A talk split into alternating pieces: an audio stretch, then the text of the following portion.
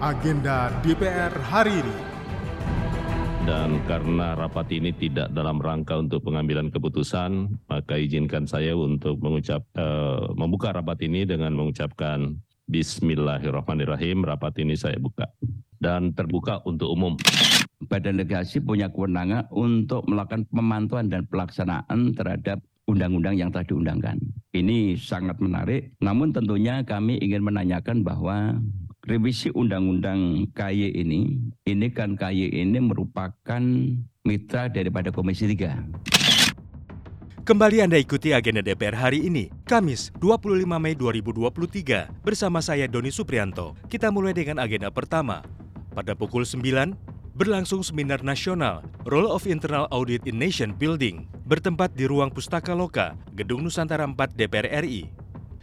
Selanjutnya pada pukul 10 waktu Indonesia Barat, Komisi 11 DPR RI menggelar rapat kerja dengan Ketua Dewan Komisioner Otoritas Jasa Keuangan atau OJK terkait roadmap dan anggaran OJK.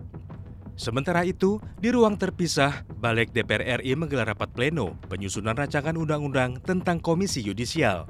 Rapat dipimpin langsung oleh Ketua Balik Supratman Andi Aktas dan dihadiri oleh tujuh fraksi, dalam penyampaian pembukaan rapat, Ketua Balik kembali menegaskan terkait fungsi kelembagaan dalam mempersiapkan pembukaan kantor perwakilan dan masalah keanggotaan yang sudah ditetapkan Mahkamah Konstitusi.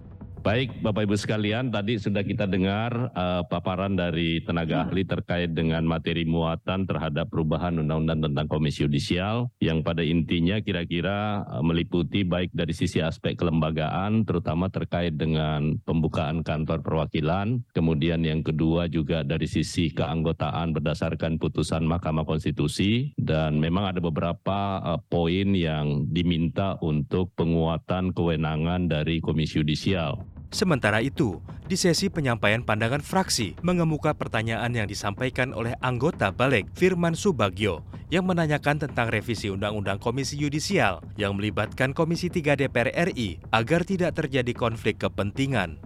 Badan Legislasi punya kewenangan untuk melakukan pemantauan dan pelaksanaan terhadap undang-undang yang telah diundangkan.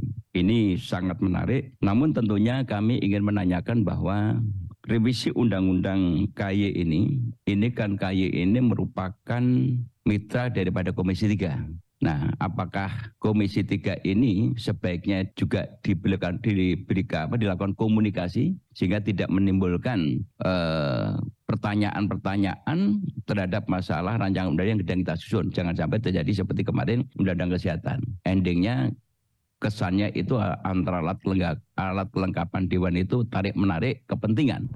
Kita berlanjut ke pukul 13 waktu Indonesia Barat, di mana Badan Legislasi DPR menggelar rapat pleno presentasi Kepala Badan Keahlian Setjen DPR RI atas penyempurnaan draft rancangan undang-undang tentang perubahan atas rancangan undang-undang nomor 37 tahun 2008 tentang Ombudsman Republik Indonesia. Selanjutnya di ruang wartawan parlemen berlangsung forum legislasi dengan tema mengkaji lebih dalam zat adiktif di rancangan undang-undang kesehatan dengan narasumber Firman Subagio, anggota Badan Legislasi DPR RI, Aryo Adrianto, Ketua Umum Asosiasi Personal Vaporizer Indonesia, dan Sofian Syaf, pengamat kebijakan publik IPB.